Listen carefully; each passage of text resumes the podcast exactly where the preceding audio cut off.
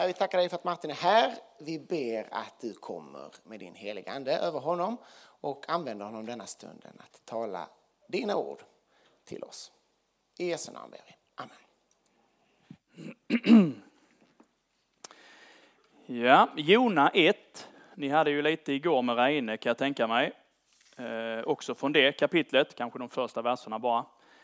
Jona 1 har ni läst i era smågrupper nu ju, så då kan ni det. Ni kan recitera det om jag frågar. Ni vet precis vad det står, så behöver jag inte läsa texten igen kanske.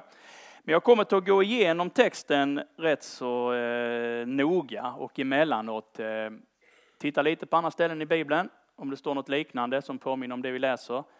Och sen kommer jag också till att försöka tillämpa det med Herrens hjälp konkret i, i era liv. Många gånger också i mitt eget liv givetvis. Det har varit rätt så svårt att förbereda. Det är så ibland när man sitter och förbereder och så sitter man och ber och funderar och så ser man dammsugaren tre meter till vänster om sig. Så tänker man, jag ska bara dammsuga av lite här innan jag fortsätter kanske. Till och med dammsuga kan vara roligare ibland än att förbereda. Är det en frestelse eller är det bara en god gärning gentemot min fru? Det vet jag inte, det får ni själva döma. Men ibland är det svårt att stilla sig och samla sig. Ehm, allt det jag säger är inte mina egna tankar. Jag har hämtat givetvis från böcker och kommentarer med som jag har läst genom åren. Men jag hoppas och ber, det är min bön, att det ska ge oss någonting. Och att vi ska få någonting från Herren som är viktigt. Kanske både grejer, saker som är svårsmält eh, och som är strävt kanske. Varning, förmaning. Men också någonting som är en, som är en uppmuntran för oss. Som ger oss ny tro och nytt hopp att följa Herren varje dag. Jag vet inte om ni tänkte på det när ni läste Jona första kapitel. Det är ju en profetbok och Jona är en profet. Men det handlar ju inte om det som Jona egentligen säger eller profeterar. Utan det handlar ju om, om profeten själv. Där är ju boken ganska unik. Det handlar ju om profeten Jona. Eh, och det är rätt så berättande vardaglig text. När man läser den här texten så är det svårt att tänka sig att den är så oerhört gammal. Att den skrevs för så länge sedan. Men den är ju rätt så lätt att läsa och lätt att förstå. En del menar ju då liksom att ah, det här är nog säkerligen bara hittepå, som man säger här i Skåne. Det är säkert ingenting som har hänt. Men när vi läser vad Jesus säger i Matteus 12 så säger han att så förstår vi att han menar att det som vi läser om här i Jona bok, det har verkligen hänt. Han säger så här i Matteus 12, 39-41. För liksom Jona var i den stora fiskens buk i tre dagar och tre nätter, så ska Människosonen vara i jordens inre i tre dagar och tre nätter. Alltså Jesus kommer att lida och dö. Tre dagar i graven och sen kommer han att uppstå. Nineves män ska vid domen uppstå med det här släktet och bli deras dom. De omvände sig vid Jonas predikan och här är någonting som är större än Jona. Så det är rätt så skönt att veta det, för det kan man mötas ibland av, ja men det är många, bland annat Jona bok då, det måste vara någonting som man har skrivit i efterhand och konstruerat och så ska det vara en liten, en, en lite sådär halvruskig saga med en god sensmoral. Men för Jesus var det självklart att detta är någonting som har hänt på riktigt eh, och med en verklig människa. Jona är också omnämnd i andra konungaboken. Profeten Jona Amittai, son från Gathaefer, står det där och det är det som är som är profeten Jona. Sväljas av en fisk vet jag en av mina, en av mina klasskompisar, eh, när jag var student så kom vi in på det så han tyckte det var massa eh, tokiga berättelser i Bibeln så liksom Jonas sväljs av en fisk och så ligger han i magen i tre dagar och så där och så eh, garvar han lite liksom, hur, hur kan man tro på sånt? Och det tyckte han var lite naivt och så. Här. Så sa jag, på ett annat ställe så står det om en åsna som pratar. Biliams åsna börjar ju prata. Han ska åka och förbanna Israels folk i öknen och så får inte Herren stopp på honom så då får åsnan börja tala istället. Och då garvade han ännu mer, ju, det var ännu löjligare. Eh, ja, det kan man ju faktiskt göra, men det är ju inget argument egentligen. Att man hånskrattar eller förlöjligar, men det kan ju faktiskt vara så ändå. Så tokigt pappa, brukar min pojke Sven säger ibland när vi läser barnens bibel, så tokigt pappa. Ibland är det rätt så tokigt i bibeln. När vi läser berättelsen om Jona så kan man ju förstå att hmm, normalbegåvade vuxna människor, ska vi tro på det här? Då är det rätt så skönt att få läsa det som Jesus säger. Också när vi läser resten av Bibeln så förstår vi att det är ju inget speciellt unikt i detta. Det finns ju grejer liksom i samma genre eller samma division. Det finns ju på blad efter blad men, eh, händelser som visar hur stor Gud är och hur aktiv Gud är i det som är vår vardag och i det som är vårt vanliga liv.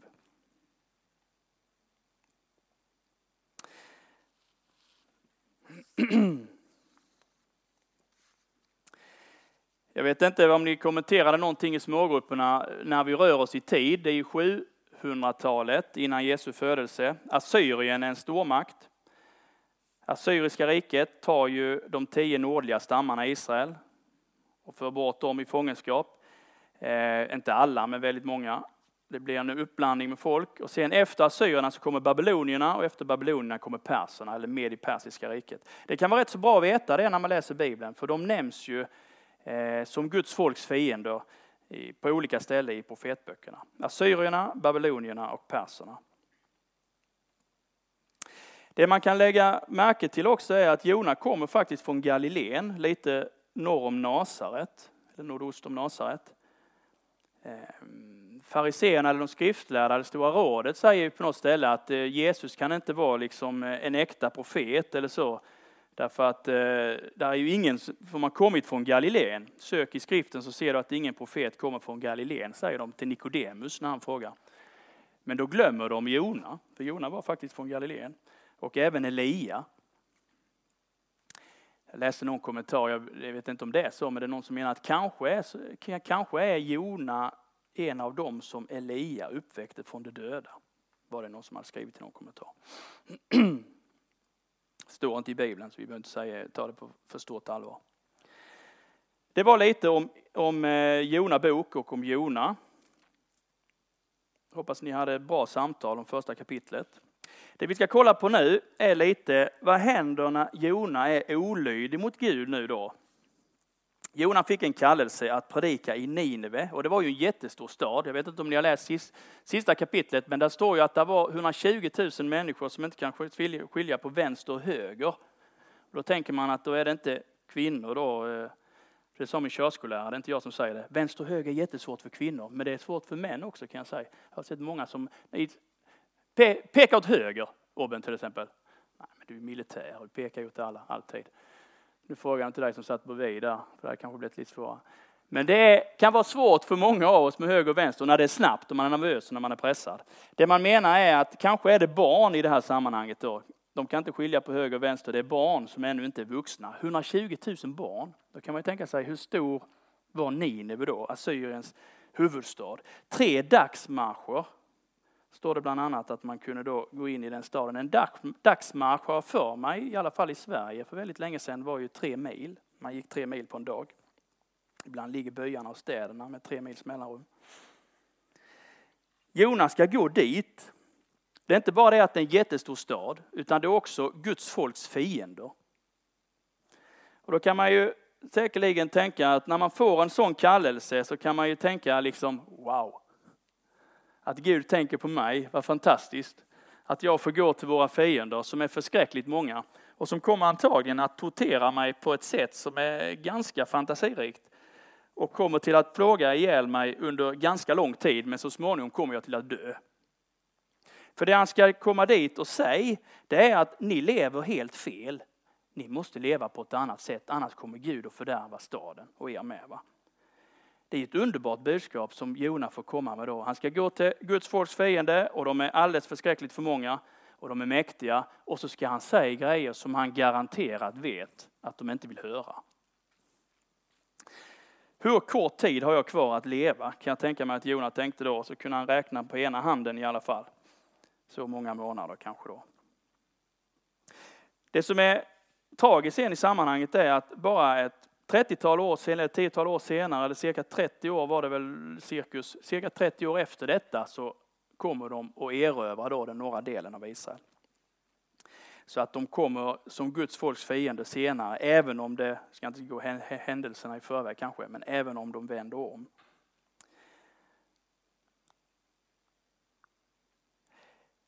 Det Jona får är en profetkallelse som inte är så glamorös eller rolig.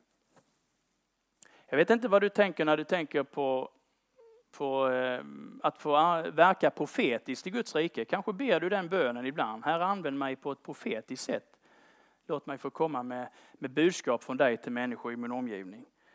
Ehm, och jag vet inte hur du tänker dig då, men det är inte alltid så lätt att be den bönen eh, och be ske din vilja. Om Herren skulle kalla mig att profetera eller predika för människor eller vittna för människor om hur fel de lever. Kanske är det några här inne som någon gång har, har korrigerat någon annan människa eller sagt liksom det du, på det sättet du lever, det är helt fel. Jag vet inte hur den personen har tagit det, men många gånger, många gånger så tror jag människor går i försvarsställning.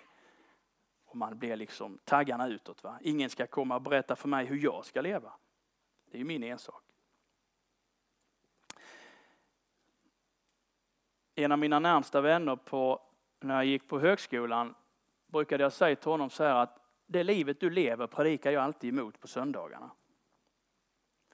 Så förstod han lite, ja ja, då är det, menar du liksom att jag lever helt fel. Så, så, så sa jag, vi, vi hade ju en bra relation givetvis. Men det var intressant att se ibland hur han skruvade på sig och hur obekvämt det blev. Många gånger. När man på något sätt konfronterade också. Nu hade vi den relationen, så han, han var liksom frän mot mig och jag var frän mot honom. Eh, och det gjorde att man kunde säga rätt så allvarliga sanningar många gånger. Ehm, sen vet jag inte om jag var så våldsamt vis och klok i det hela egentligen, men det är klart att han gick ännu mer i försvarsställning om jag var ännu mer på. Så brukar det ofta vara. Tyvärr.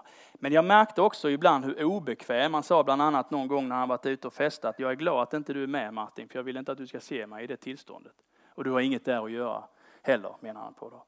Och då, det är lite som Jona i det här sammanhanget, att man, när man på något sätt drar sig undan Gud, eller när man inte vill vara i Guds närhet, så är det bättre att söka sig till de som inte känner Gud eller de som inte alls vill leva som Gud har tänkt. Eller de som lever ett liv som inte dömer ens eget liv eller avslöjar ens eget liv.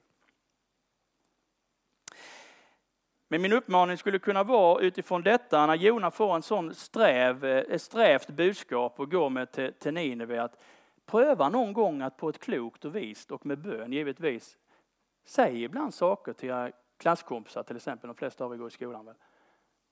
Jag tycker inte du ska snacka så om den personen när den personen inte är här. Va? Bara en sån grej. Det tror jag kan vara rätt så viktigt. Eller vi, vi beter oss inte på det sättet mot den här klasskompisen till exempel. Att man någon gång visar och också sätter ord på det som är Guds vilja och det som är Guds tanke med livet.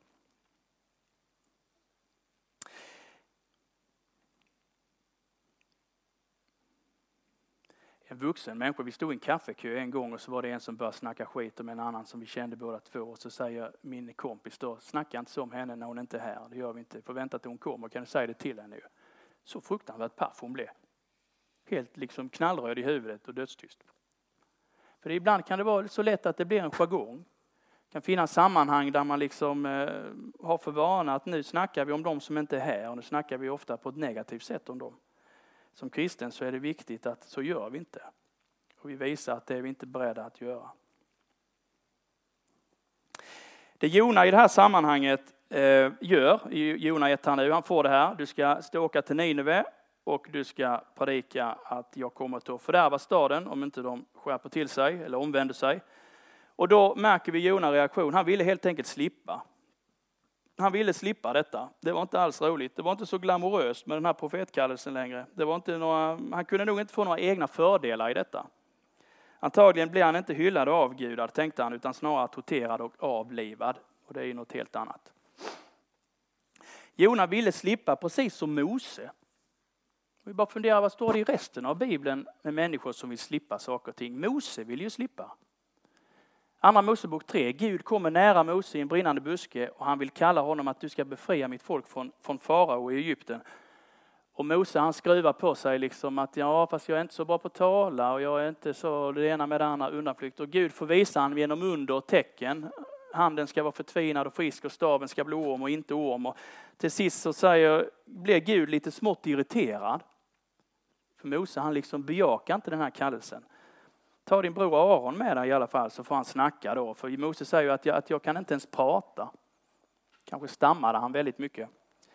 Ehm. Och sen till sist så säger Mose i princip skicka vilken annan som helst, bara inte du skickar mig. En av de största i Gamla Testamentet har den ingången i den kallelsen som Gud ger honom.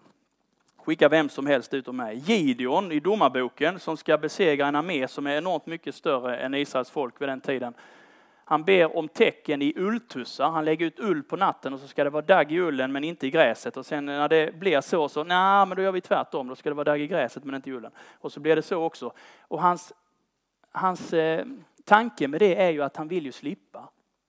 Han vill ju inte detta.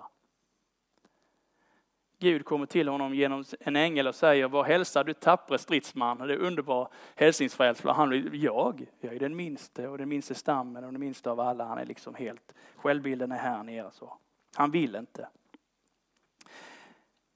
Och vi här idag, på vilka sätt kan vi, kan vi jobba för att undgå liksom Guds kallelse? Kanske är vi några här inne som ibland kan eller kanske just nu märker hur Herren på något sätt drar oss i någon riktning.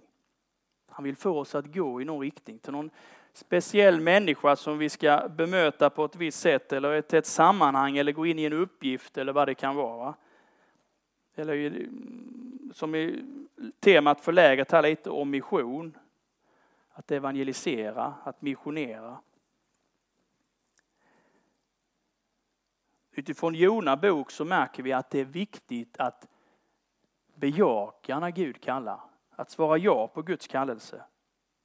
För står vi emot Guds kallelse, om vi liksom spjärnar emot som Jona gjorde, så får vi, så får vi av berättelsen lära oss att ja, då får vi kanske också vara beredd på, på konsekvenser av det. Jona han på ett sätt, han kastar inte bara loss från, från eh, fastlandet och åker iväg med båten utan på ett sätt så kastar han ju loss från Gud själv. Jona märker vi i de första verserna här att han ville komma bort från Herrens ansikte. Det står flera gånger i början. Bort från Herrens ansikte. Herrens ansikte som, som Guds närvaron eller Guds närheten. Jona ville liksom inte vara kvar i Guds närhet, han ville längre iväg.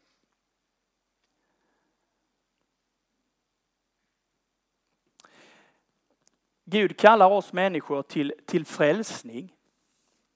Gud vill frälsa dig och rädda dig. Kanske är du här som känner det i ditt samvete eller i ditt, ditt medvetande att Gud kallar dig närmare sig. Gud vill liksom frälsa dig, greppa dig, va? förlåta dig och omfamna dig. Så viktigt det är att bejaka den. Ja, Jesus, jag är här, fräls mig, ta hand om mig. Jag vill vara din. Jag vill tro på dig. Jag vill följa dig. Gud kanske kallar en del av er här till tjänst, som jag sa, till en konkret uppgift. Be om hjälp att bejaka den med hjärtat. Gode Gud, förvandla, förändra mitt hjärta så att jag kan gå in i den kallelsen med ett ja från hjärtat. Jag vill det, ske din vilja. Men Jona i det här fallet, han flyr bort från Herrens ansikte. Det står två gånger redan i början. Jona flyr bort från Herrens ansikte. När vi läser i Bibeln så står det redan i början om Kain, han som mördade sin bror Abel. Han flydde bort från Herrens ansikte. Han hade mördat sin bror och nu ville han bort från Herrens ansikte. Att inte lyda Guds kallelse, att inte lyda Guds kallelse så går vägen bort från Gud. Paulus skriver i Romarbrevet 1 att straffet för olydnad det är att människor får gå längre och längre i olydnad. Alltså konsekvensen av synden blir, om man inte omvänder sig och bekänner och ber om förlåtelse, så får man liksom, så låter Herren oss gå längre och längre i, i synden och i olydnaden. Det vill jag säga med, med eftertryck, för jag tror att det, det finns en risk att gå förlorad. Det finns en risk att tappa tron. Det finns människor som har börjat som kristna som lärjungar men som har slutat som människor utan Gud, utanför frälsningen. Men vi märker också i berättelsen, och det vill jag påminna om nu också, att Gud släpper ju inte Jona på ett sätt, utan Gud på något sätt är där också och vill försöka få honom att, att omvända sig och vända tillbaks. Men att fly bort från Guds ansikte, att fly bort från Herrens ansikte. För Jona betyder det att han fick gå på en båt, han fick liksom rent konkret åka bort. Gud hade sagt, du ska gå österut till Nineve. Va? Och Jona tänkte, okej, okay, då åker jag västerut. Så långt bort som möjligt. Tarsis låg borta i Spanien. Så det var liksom 130 mil nordöst till Nineve, eller vad kan det vara, mellan Israel och Spanien. 130 mil det hållet med kanske. Kanske knappt räcker. Ehm, åt totalt galet håll. Och det som kan vara intressant, tänker jag lite, vi har ju lite bibelkunskap också nu när det är bibelförklaring. Tarshish-skeppen då vid den här tiden, 700-talet, det var de största skeppen som seglade på Medelhavet. Och Fenicien var ju en sjömakt på den tiden, man behärskade Medelhavet. Och man hade kolonier i Spanien. Och så de här Tarsis-skeppen då som antagligen var byggda av, av cederträ från Libanon, någon form av lärkvariant var det väl. De var så stora och mäktiga så att de sjömännen som seglade på de här, de var nog ganska stolta och ganska trygga och säkra i, i, i sitt skepp. Jesaja nämner de här i sitt andra kapitel. Det handlar om Herrens dag, den dag när Jesus kommer tillbaks, när han upprättar Guds rike, när alla Guds fiender ska besegras definitivt. Så skriver han så här.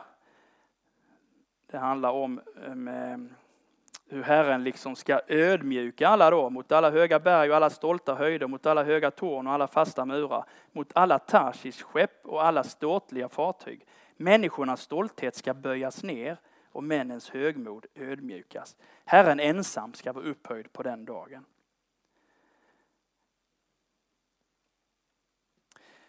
Titanic är ju en, en, eh, var ju en båt 1912 som sjönk på sin jungfruresa. Titanic menar man, namnet kommer från titaner i den grekiska mytologin. De störtade gudarna som satsade ut mot Zeus, allfadern. Eh, och på något sätt så blev det människans trots mot Gud, kallas ibland titaniskt. Och när man döper båten till Titanic så kan man förstå att det ligger högmod över människans och människans stolthet i det. Och kanske också lite uppror mot Gud. Den, den båten var ju osänkbar menar man. Det var så stor så den var omöjlig att sjunka. Och ändå så sjönk den på sin första resa och 1513 människor drunknade. När Jona mönstrar på på Tarsis-båten så är det säkerligen på ett fartyg där sjömännen känner sig ganska stolta över sin båt om, om man, Jona då säger, är ni säkra på att den här inte kan sjunka? Så kanske de bara, det finns inte en möjlighet att den här ska sjunka. Kanske tänkte de så. Eh, och Spanien, den feniciska kolonin Tarsis, där var liksom framtidslandet på den här tiden, guldlandet. Här hade man möjlighet att göra goda affärer. Man kunde liksom söka lyckan i väst. Och jag tänker på Jona då. Nineve predika ett budskap som ingen vill höra, kanske torteras ihjäl. Eller åka västerut, skaffa ett bättre liv och kanske bli lite rik på kuppen till exempel. De två valmöjligheterna var, ganska, var kanske inte så jättesvåra. Men målet för Jona är i alla fall, jag vill bort från Herrens ansikte. Jag vill bort från Herrens ansikte. För din och min del, till sist, innan vi tar en bensträckare. För din och min del för att vi ska komma bort från Herrens ansikte så behöver vi kanske inte sätta oss i en bil eller tåg eller flygplan och resa bort. Utan den inre resan kan ju hända mitt i, mitt i vardagen.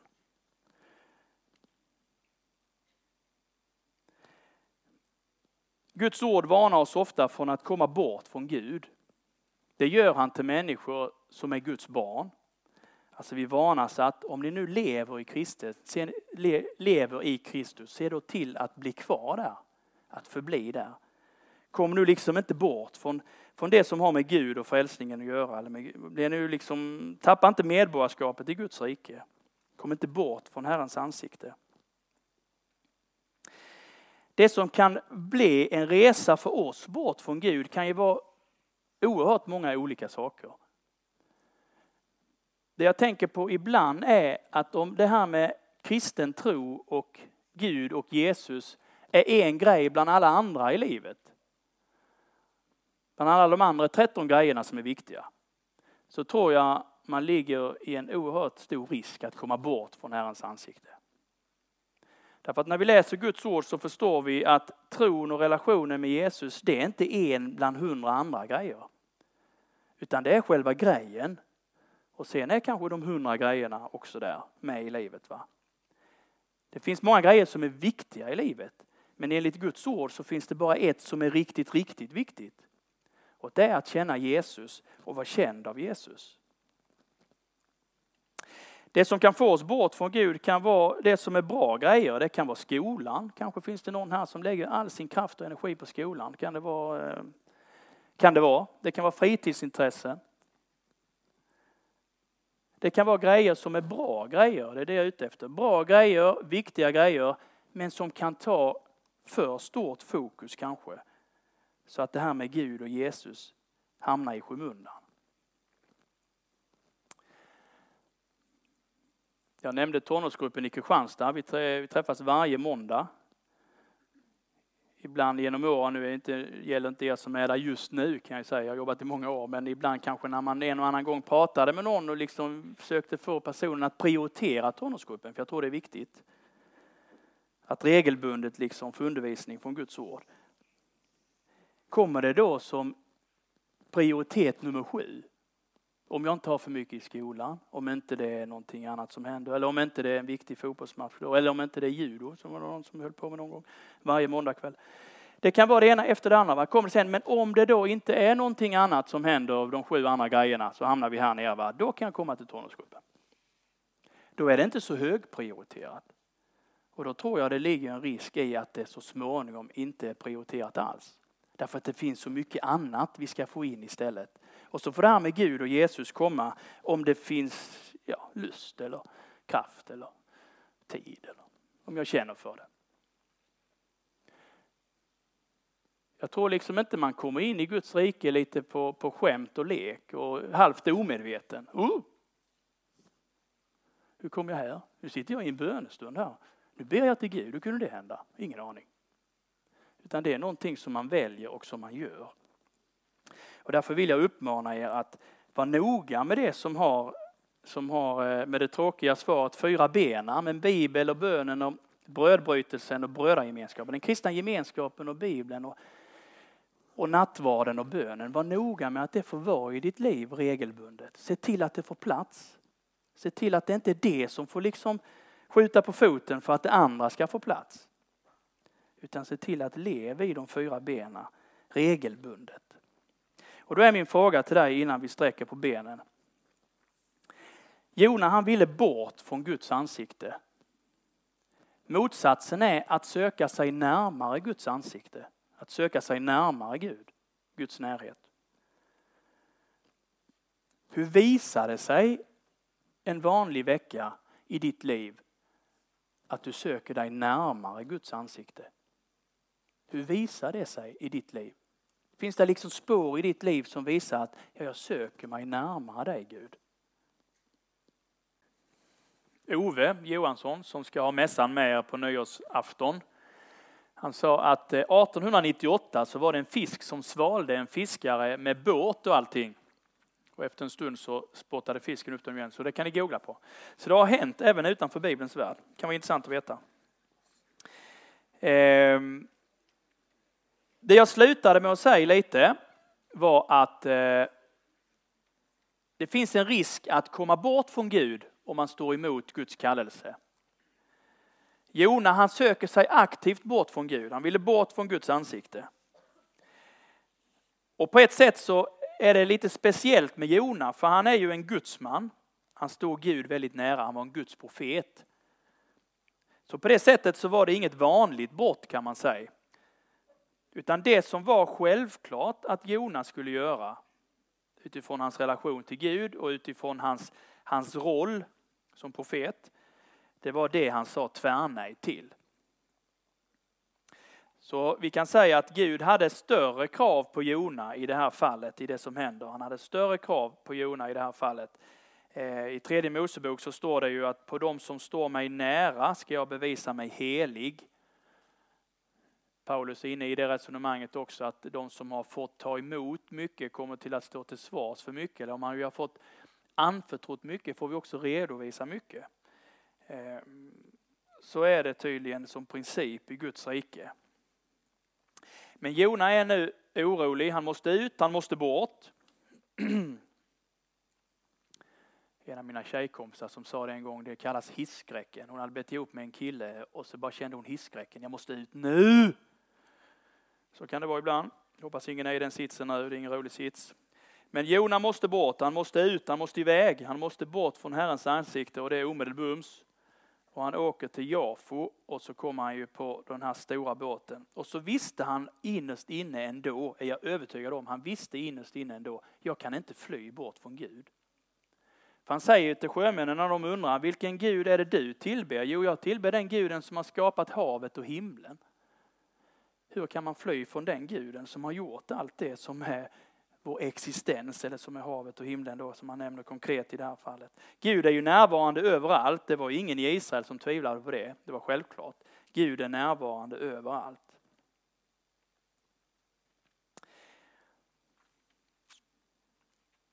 Och jag kan tänka lite, på den tiden i gamla testamentet, då var ju Guds uppenbarelsen knuten till Israel. Det var i Israel, bland Israels folk och i templet framförallt där Gud uppenbarade sig, Gud visade sig. Nu är det ju knutet till Guds rike på denna jorden, till Kristi församling, till Kristi kyrka på jorden. Där vi är en del av, vi är en del i den. Här visar sig Gud, här uppenbarar sig Gud. Nu när Jonas söker sig bort från Gud så söker han sig till människor som är utanför det området. Alltså människor som inte tror på Gud. Och som inte vill ha med Gud att göra. Och det var som jag var inne på innan, att människor kan bli obekväma. Människor som inte tror på Gud kan bli obekväma i kristna sällskap.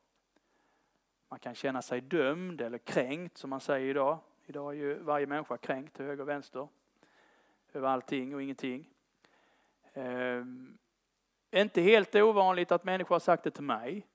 De har blivit arga på mig därför att jag har levt annorlunda många gånger. Vet inte, nu är det ju lätt att komma förbi tv-licensen, men när jag var i er ålder så fanns det ingen dator med internet och modem, så då var man tvungen att betala tv-licens om man ville se på rörliga bilder. Jag var den enda i min klass som betalade tv-licens och det säger jag inte för att jag ska visa att jag är duktig, men jag säger det därför att det var många som blev väldigt provocerade av det. De var arga för att jag betalade tv-licens. Och jag sa vid något tillfälle, hör du själv hur dumt det låter? Du är arg för jag betalar tv-licens. Han hade ju ringt och sagt att han inte hade någon tv och sen hade han köpt en tv för 10 000. Det var mycket pengar på den tiden. Och som student.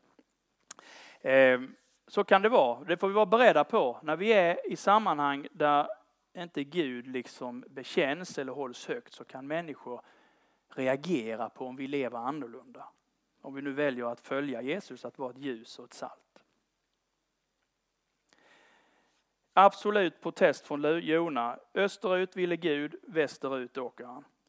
Och så är det så här, som jag också vill stryka under, att när vi läser om Jona och hur olydig han är, så är det inte så att vi ska ta emot det på det här sättet att ja, Jona var olydig, då kan jag också vara olydig. Nej, vi läser om att Jona var olydig och vi får be om hjälp att lära oss att vara lydiga. Vi läser om Jona olydnad och det vill Gud lära oss att vara lydiga. Så ska vi inte göra. Jona är ett dåligt exempel. Han är inte en förebild i sin olydnad, det är rätt så viktigt att veta det. Vi läser om många misslyckade människor i Bibeln. Jag nämnde, nu är ingen misslyckad person i och för sig, men jag nämnde ju Mose som sa skicka vilken annan du vill, bara inte du skickar mig. Han är ingen förebild i det. Men det kan vara en tröst för oss som känner oss själva och som ser oss själva kanske som ganska mänskliga. Att det finns människor som har tänkt och resonerat och reagerat som jag kanske gör ibland. Men vi får läsa det och så får vi också lära oss om hur Gud bemöter sådana människor. Hur Gud hanterar sådana människor som Mose och Jona och Gideon till exempel. Och så får vi hämta hjälp av det att leva i lydnad och att gå i tro och lydnad när Gud kallar oss. Paulus säger det väldigt klart, ska vi synda för att vi ska få upptäcka hur fantastisk nåden är? Det är ju hans resonemang i Romarbrevet. Om vi nu syndar hjärnet så får vi ju se ännu mer av Guds förlåtelse och hur mycket nåd han har. Och så menar Paulus att det är helt galet, det är helt fel sätt att tänka. Frågan är fel ställd på ett sätt kan man säga.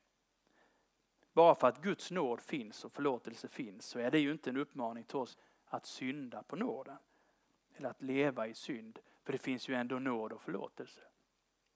Nåden och förlåtelsen är ju ingen Jack Vegas man liksom kör av eller trycker. Och så kommer vinsten ut. Utan förlåtelsen är ju i relation till Jesus. Ånger och tro. Gode Gud förlåt mig. Jag bekänner, jag erkänner. Det var fel och hjälp mig att inte göra om det. Och jag ber om din förlåtelse. Man lurar inte Gud. Gud ser igenom våra motiv. Gud ser in i vårt innersta. Stormen som kommer här nu, det har med Jona och hans olydnad att göra.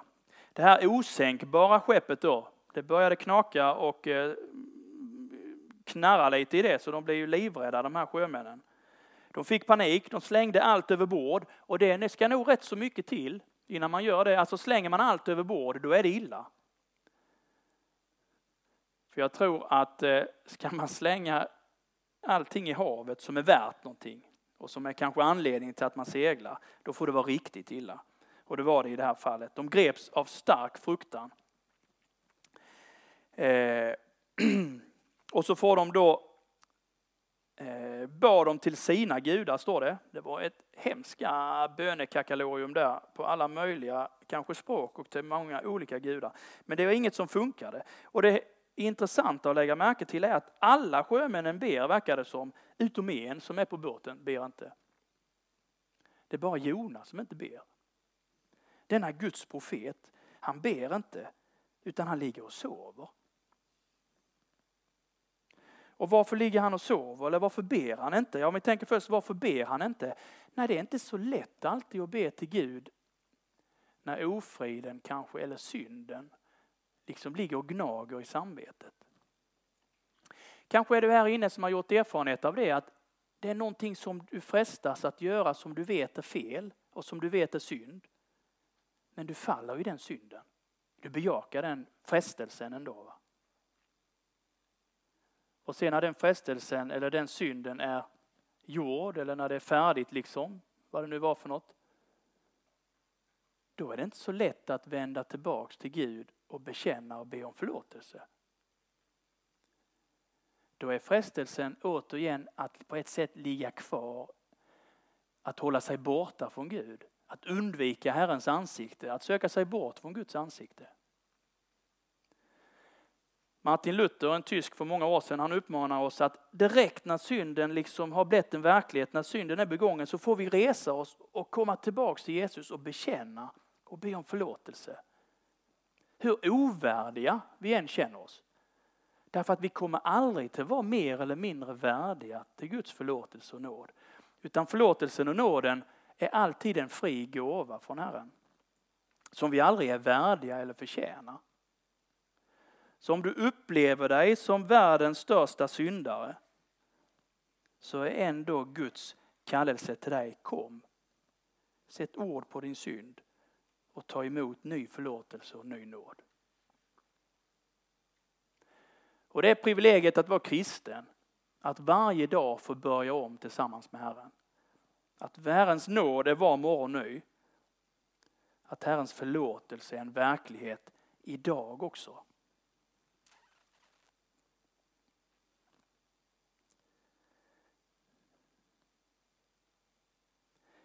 Kanske brottas du med en konkret synd som du inte har lyckats besegra. Kanske är det någon synd i ditt liv som du återkommande faller i. Dag efter dag eller vecka eller efter vecka. Då är det lätt att tappa tron på att Gud kan hjälpa eller att Gud vill förlåta. Det är lätt kanske att tänka, nej jag söker mig bort från Herrens ansikte, det är bättre än att känna den här ofriden eller dåliga samvetet. Det är djävulens röst. Det är djävulen som vill få dig bort från Herrens ansikte. Den helige Ande manar dig att bekänna din synd. Om det så är för 157 gången du bekänner samma synd.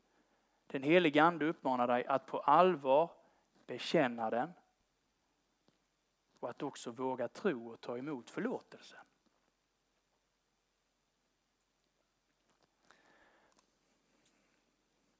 Det är två berättelser Sven, min grabb, vill läsa i barnens bibel. Det är den brinnande ugnen, Daniel och hans vänner i den brinnande ugnen och så är det David och Goliat. Det är de som han tycker är mest spännande. Och det jag tänkte på igår när jag läste om männen i den brinnande ugnen, hur Herren räddar dem ur den brinnande ugnen. Sen står det inte så mycket i barnens bibel, det står bara några rader så. Men om man då kan den eh, liksom extended version som vi har då, så förstår man ju att kläderna luktade inte ens rök på dem. De hade eldat upp ugnen sju gånger hetare, tror jag det står va. Men Herrens ängel hade kommit in i ugnen och han hade räddat dem och så hade kungen ropat ut dem igen och kläderna luktade inte ens rök. De var inte ens svedda. Inte ens ögonbrynen som ibland när man grillar korv eller lite för het kan svedjas här va, så luktar det äckligt. Ingenting var bränt eller svett.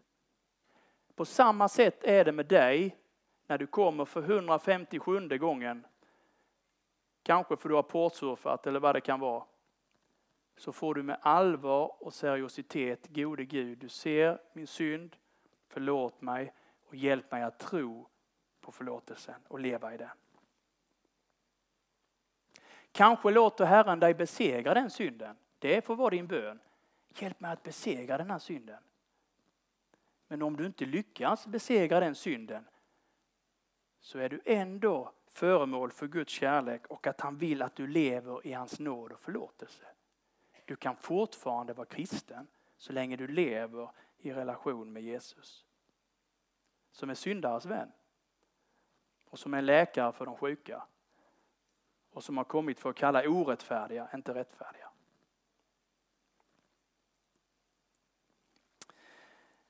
Alla bad utom Jona. Han sov. Jesu lärjungar sov i Getsemane. Så fruktansvärt dåliga lärjungar han hade Jesus. Kunde han inte valt några bättre. Hade vi varit i Getsemane hade vi ju inte somnat. Då hade vi ju bett innerligt och länge. Kanske till och med längre än Jesus. Jag vet inte. Det borde göra oss ödmjuka när vi läser om det. Jesu lärjungar som hade vandrat med Jesus i tre år, de somnar i ett semane. När det är liksom själva, själva grejen på ett sätt i evangelierna. När det börjar dra ihop sig, ja de ligger och sover. Jesus får väcka dem. De är ingen förebild i sin sömn, men de är en tröst för oss som kanske känner oss själva. Att vi får också vara med, fast att vi kanske somnar ibland.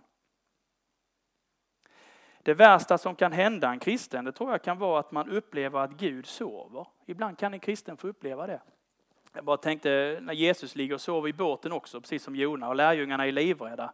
Liksom Jesus bryr sig inte om att vi går under. Så väcker de Jesus och så säger Jesus, har ni så lite tro? Och så går han upp och så stillar han stormen. Ehm. Mm. Att Jesus sover ibland, att han upplevs att han är frånvarande i livet, det är en stark frestelse för en kristen. Det spelar ingen roll om jag ber, det spelar ingen roll om jag vänder mig till Jesus. Han finns ju inte där, han hör inte mig. Det kan vara så att en kristen kommer in i sånt mörker. Och det enda jag kan säga är då att bli kvar. Att bli kvar i det som är den kristna gemenskapen och det som är Guds ord och hans löften. Och så tror jag den tiden kommer att ändras. Jag har haft sådana mörka perioder i mitt liv där jag är fullkomligt övertygad om att jag lever helt borta från Gud. Och det har fått vara så en tid. Men där Gud har fått visa i efterhand att så var det inte. Men när man är i det så ser man inte det. Men att förbli, att stanna kvar, att fortsätta leva med i de fyra benen. Mm. Fem över halv tolv. Är ni fortfarande vakna? CV i alla fall ju. Vad roligt du vaknar nu. Du har ju sovit där. Välkommen tillbaks. Det sista, det är inte så länge kvar kan jag trösta er med. Det är, då känner ni, det har vi hört förut. Mm. Kaptenen får väcka Jona. Kaptenen får väcka Jona och säga att du måste be, du kan inte sova nu. Det är rätt så fräckt. Hedningen får liksom väcka gudsmannen. Du måste be Jona till din Gud. Kanske kan han rädda oss. Och Jona han följer med upp men de försöker ändå att få ordning på båten men sen bestämmer de sig för att kasta lott då för att se vem lotten hamnar på. Vem det är som är skyldig till den här stormen. så. Och då hamnar lotten på Jona. Och Jona är egentligen, det står inte så mycket i texten, men han är väldigt passiv. Ja, han går upp kanske för han säger det. Han hänger med. Men det verkar inte som han går in i en innerlig andlig glödhet bönestund med Herren där. Utan på något sätt så sitter han passiv och sen hamnar lotten på han med, du då, som vi drog upp ur sängen nu. Varför har det här hänt? Och då på något sätt väller det fram ur Jona, märker vi i texten. Han svarade om jag är hebre och jag fruktar Herren, himlens Gud som har gjort havet och det torra. Då greps männen av stark fruktan och sa till honom, vad har du gjort? Av det han berättade fick männen veta att han flydde bort från Herrens ansikte. Vad ska vi göra med dig så att havet lugnar sig för oss, säger de. Han svarade dem, ta och kasta mig i havet så blir havet lugn. För jag vet att det är på grund av mig som den här starka stormen har drabbat er. Det liksom väller fram ur Jona här. Jag tänker på Psaltaren 32 när, när David säger att så länge jag teg, så länge jag teg så förtvinade mina ben och jag stönade dagen lång, så står det i den nya översättningen. Alltså det var sån vånda, så länge han teg, så länge han höll synden inom sig. Dag och natt var din hand tung över mig, min kraft rann bort som i sommarens torka. Dag och natt, även på natten, så låg Herrens hand tung över David, över synden han hade begått. Då erkände jag min synd för dig och dolde inte min skuld. Jag sa, jag vill bekänna mina brott för Herren. Då förlät du mig min syndaskuld. Och så vänder salmen. Alltså på ett sätt, det förlöses ut här, bekännelsen. Och så med den försvinner på ett sätt också ofriden. Det var värre att tiga och hålla det inom sig. Samvetet gnager, Gud har satt fingret på synden. Det gör mer ont att behålla det för sig själv än att låta det välla ut som en bön och bekännelse.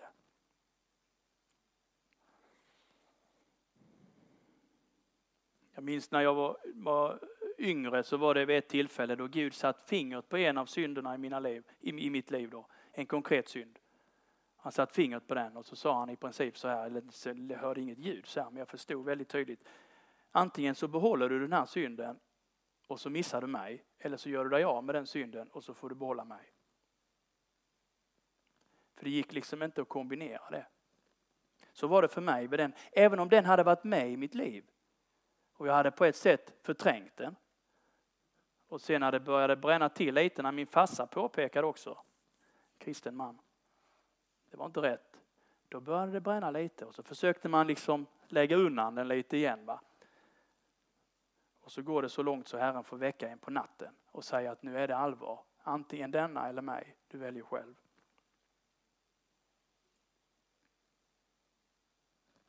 Så länge jag teg förtvinade mina ben. Men när han sa jag vill bekänna mina brott för Herren, då förlät du mig min syndaskuld. Så fantastiskt. Vi kallas att bekänna, att lämna av, att omvända oss.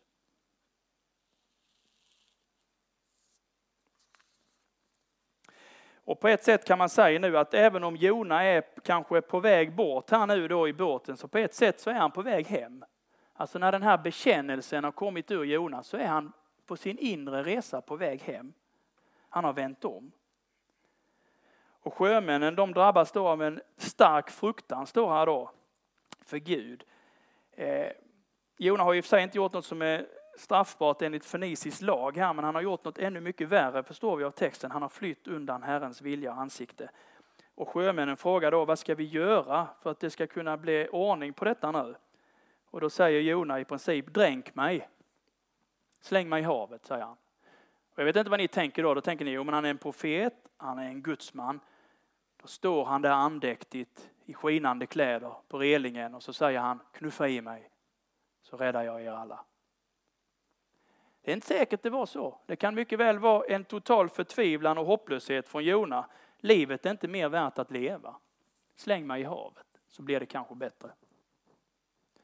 Elia, en av de största profeterna i Gamla Testamentet, han ligger i öknen och säger till Herren efter en stor succé med Balsprofeterna på berget Karmel, hur Gud har manifesterat att han är den enda levande guden.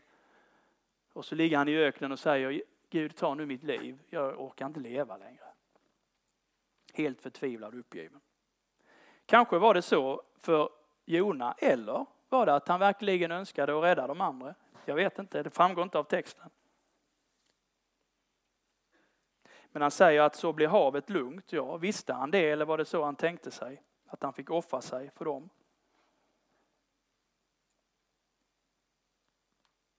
Kajfa säger på ett ställe i Johannes 11 ju att det är bättre att en man dör för folket än att hela folket förgås. Det säger han om Jesus. Va? Jona får vara en förebild till Jesus också i sin, sin olydnad här. Det pekar fram mot Jesus som fick dö för många, fick dö i folkets ställe. Det som är intressant i texten tycker jag är att gudsmannen, profeten Jona här framställs som väldigt eh, hård och eh, otrevlig kan man nog säga. Ni kommer att märka det när ni läser vidare.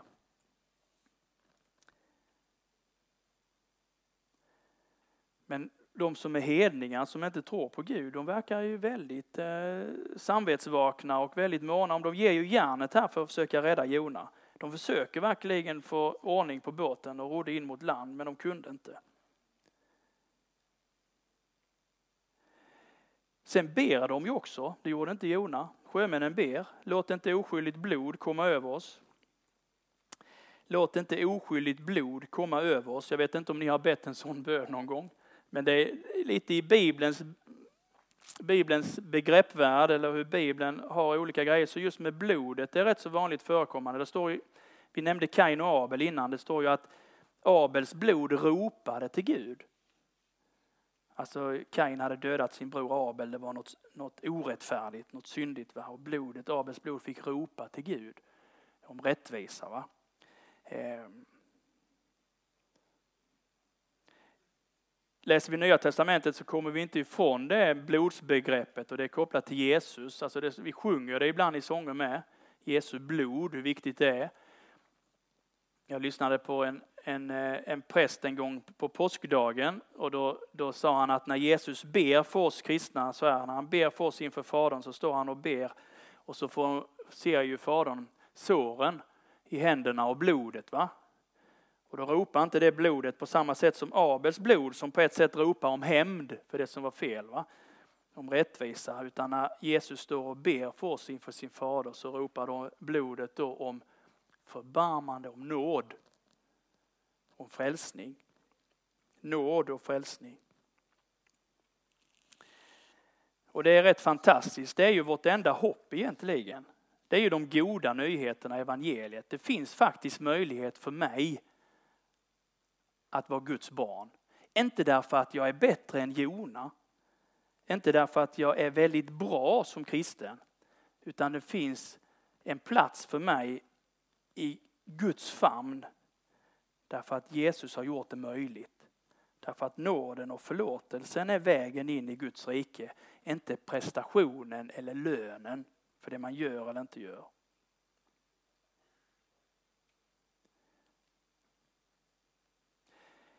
När vi läser om att Jona är olydig så ska det lära oss att lyda Gud.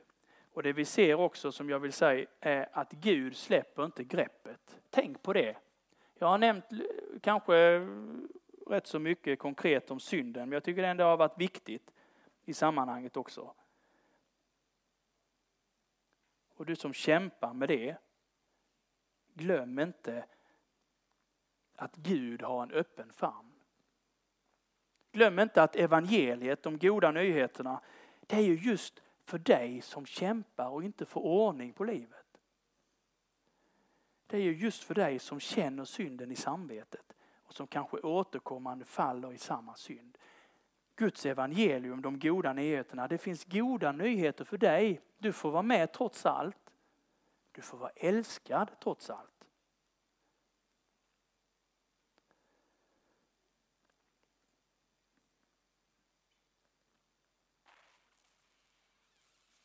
Vi ber en bön. Jesus, vi tackar dig för ditt ord. Tack att vi får läsa i det. Tack att vi får läsa om Jona nu de här dagarna. Vi ber att du ska använda den händelsen i Jona liv för att lära oss att tro på dig och följa dig. Vi ber för det som vi har fått stanna upp inför här nu den här stunden. Jag ber Jesus att det ska vara en hjälp för oss var och en. Låt det få vara en hjälp för oss var och en att ännu mer tro på dig och följa dig.